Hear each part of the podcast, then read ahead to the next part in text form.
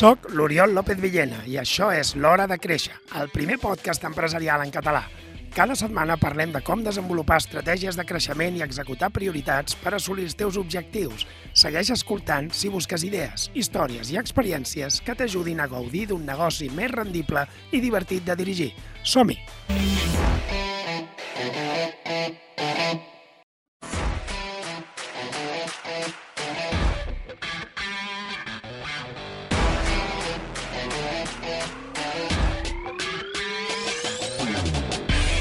Parlem d'empresa, ho fem amb l'Oriol López Villena, ell és l'autor del llibre Creix i Prospera. Oriol, bon dia. Bon dia. Avui m'agrada molt parlar d'aquest tema perquè justament posa al seu lloc el que és l'empresa, el que és la família, qui sóc jo, que a vegades ho confonem tot, Sí.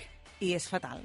És dolent per l'empresa i pel treballador, per tots. És dolent per tothom. És a dir, hem de tenir molt clar que una empresa hauria de ser el fonament, el fonament, i els fonaments estan a baix, de tot allò que una família i que una persona volen aconseguir.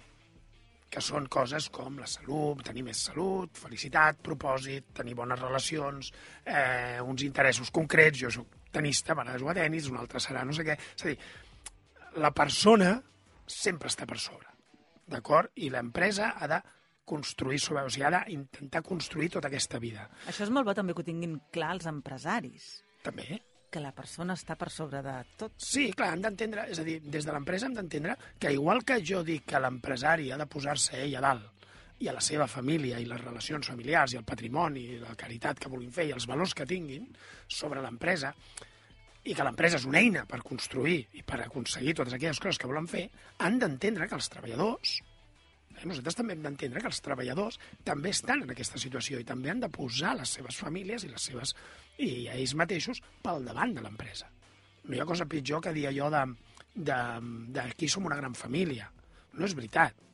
No és veritat, i és molt injust, perquè això vol dir que en un moment donat el, el posaràs al treballador a triar entre dues famílies. I clar, què no faràs per una família? Llavors, això és molt injust. És, és una cosa que jo evito completament. I que genera molt d'estrès. Bueno, genera estrès Emocional. perquè, perquè en realitat et sents lligat com si fos una família. Mhm. I et diuen que és una família i t'ho van repetint i al final penses, ostres, he de triar entre dues famílies. Tu imagina que hagis de triar entre dues famílies. Imagina que hagis de triar, si tens dos fills, entre dos fills. No, no, fatal. És a dir, que et sentiries malament. No podries. Sí, sí. pues és el mateix. No pots triar els teus pares i dir m'agrada més aquesta mare. No, és, és, és... I la família són els teus, Clar. evidentment. Llavors, la família són els teus, i tu has de tenir clar això, i has de tenir clar que l'empresa ha de, ha de servir d'eina per aconseguir tot això. Moltes vegades, quan l'empresa creix, quan creem l'empresa sempre tenim això al cap, eh? O sigui, això és curiós, perquè quan, l'emprenedor crea l'empresa, té molt clar per què la vol. Vull tenir més temps, vull tenir més llibertat, vull tenir més diners, vull tenir el que sigui, d'acord? Vull convertir-me en, un, en un mecenes... Hi ha molts, molts, molts objectius, però, però tenen molt clar. El problema és que quan l'empresa comença a créixer, es fa com allò, com un nen petit molt exigent, i la primera víctima és totes aquelles coses que volia aconseguir la, la persona empresària. Totes. D'acord? Totes. És a dir, el ja temps, no els diners... no tenim temps, eh, els diners no són els que pensàvem... els diners, però si cal que l'empresa en tingui més de moment, doncs clar, jo no tinc. És a dir, tot, tot va allà.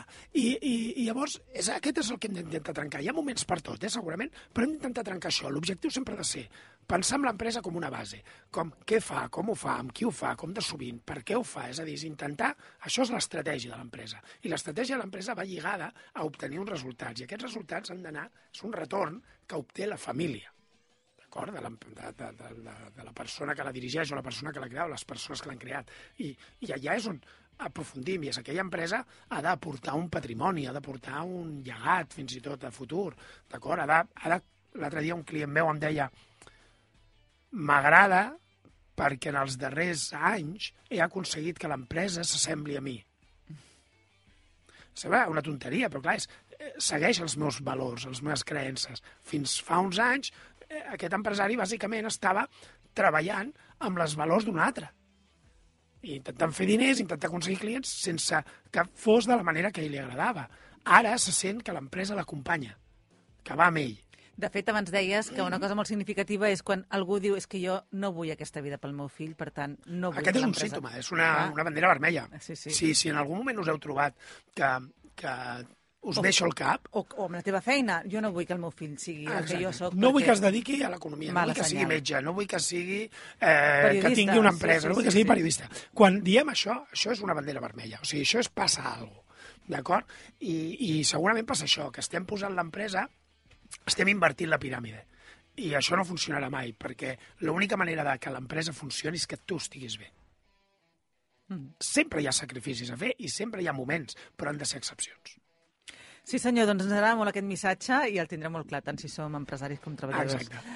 Oriol, moltíssimes gràcies. Gràcies a tu. Noemí.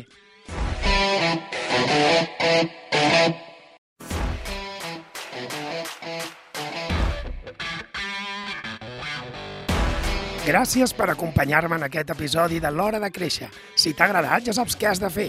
Escriu una ressenya, comparteix-ho amb algú i uneix-te a la comunitat de les empreses proactives. Gràcies per escoltar-me i recorda, l'acció és qüestió de prioritats.